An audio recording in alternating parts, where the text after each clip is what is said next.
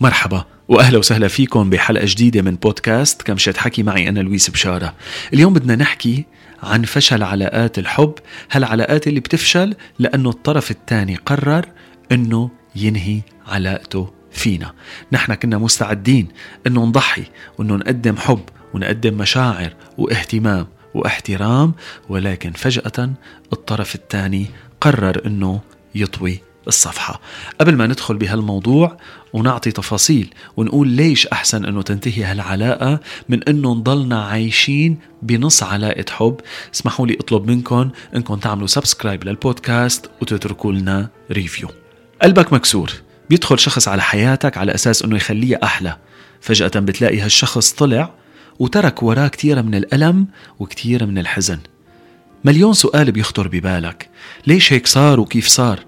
ما أنت اللي كنت عم بتقدم وعم بتضحي ومستعد أنك تقدم وتضحي وفجأة وبدون سابق إنذار هذا الشخص بيقرر أنه يطوي الصفحة يسكر الباب وراه ويكمل بحياته وكأنه فقد كل الأحاسيس وكل المشاعر. وأنت اللي كنت متوقع إنه هالشخص ممكن يكون سندك بالحياة بلحظة وحدة بيتحول هالشخص لسبب ليخلي قلبك ينكسر. وتضيع مشاعرك. بتشعر وكأنه كل شيء من حولك عم يوقع. الدنيا بتصير بلا ألوان الحياة بتفقد طعمها وحتى الأشياء اللي بتعنيك ببطل في إلى معنى. ما فينا ننكر إنه هاللحظات كتير بتوجع وكتير صعبة. باللحظة اللي بتشعر إنك مستعد تقدم حب والطرف الثاني عم بيصدك.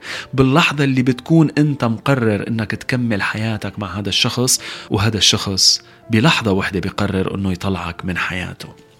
إذا بدنا نلحق مشاعرنا رح نشعر أكيد بحزن بألم بغضب ولكن خلونا نحكي شوي بصوت العقل.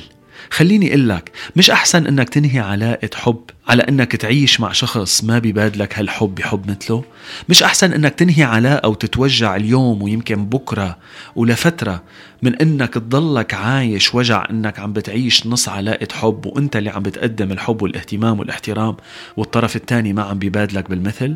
هالعلاقة اللي انتهت؟ ممكن تكون انتهت لتحمي مشاعرك من أنها تنكسر كل يوم لتحميك من الشخص الخطأ لتحميك من أنك تعيش قصة حب بالشكل مش بالمضمون. تخيل حالك لو هالعلاقة ما انتهت وما اكتشفت هالشخص على حقيقته ومشاعره على حقيقتها وضليت أنت اللي عم بتقدم المشاعر والطرف الثاني عم بيخونها تخيل حالك لو إنك مصر على وجود هالشخص بحياتك وبتسأل حالك كل يوم شو ممكن تعمل لحتى يضل موجود بحياتك وهو بيسأل حاله كل يوم ليش أنت موجود بحياته؟ تخيل حالك بعلاقة مع شخص من جواته ما عم يشعر بحب حقيقي تجاهك.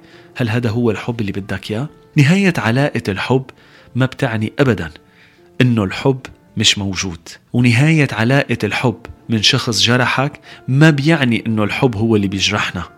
اللي جرحونا هن الناس اللي ما بتعرف تحب مش الحب. ولازم نعرف إنه الحب ما بيأذينا. الناس باسم الحب هي اللي بتأذينا.